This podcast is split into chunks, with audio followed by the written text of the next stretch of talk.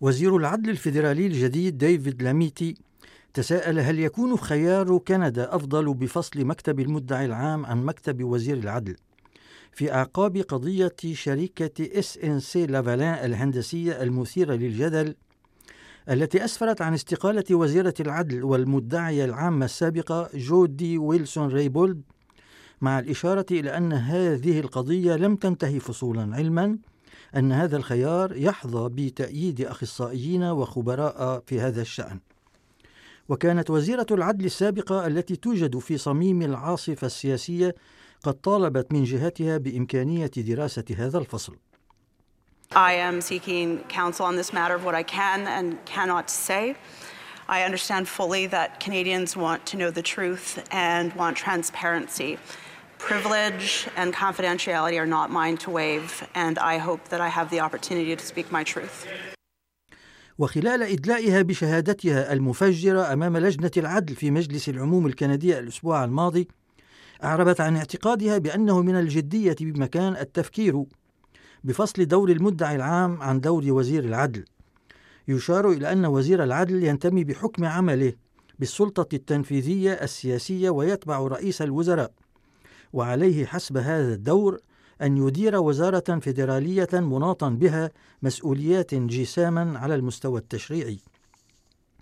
من جهة أخرى يشكل المدعي العام سلطة قضائية مستقلة له الكلمة الفصل حول طريقة معالجة ملفات الاتهام عبر خدمة الملاحقات الجنائية في كندا وعليه واجب حماية قراراته من كل اهتمام متحيز.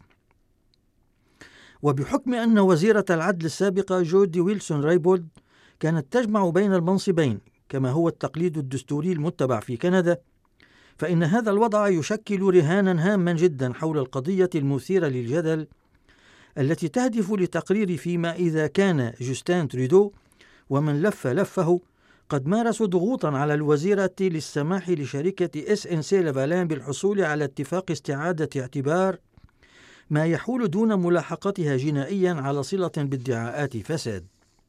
For a period of approximately four months between September and December of 2018, I experienced a consistent and sustained effort by many people within the government to seek to politically interfere in the exercise of prosecutorial discretion in my role as the Attorney General of Canada in an inappropriate effort to secure a deferred prosecution agreement with SNC Lavalin.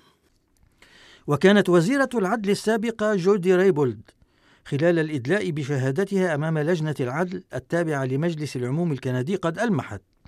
للوضع المعتمد في بريطانيا حيث انفصال الدورين التشريعي والتنفيذي لوزير العدل والمدعي العام. وأشارت إلى أن المنصبين يشغلهما نواب غير أن المدعي العام لا يشارك في مجلس الوزراء.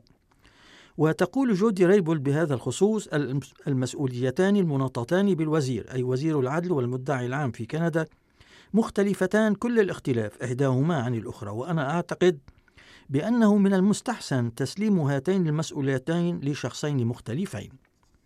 وروت وزيرة العدل السابقة كيف أنها وموظفين تابعين لوزارتها خلال بعض الاجتماعات كانوا مضطرين لتفعيل الخيار التشريعي القاضي بتكليف مديرة الملاحقات الجنائية كاثلين روسيل بالتفاوض حول اتفاق إعادة اعتبار مع إس إن سي لافالان لتجنيبها ملاحقات جنائية وجرمية ما يسمح لها بالمشاركة في مناقصات كندية وعالمية.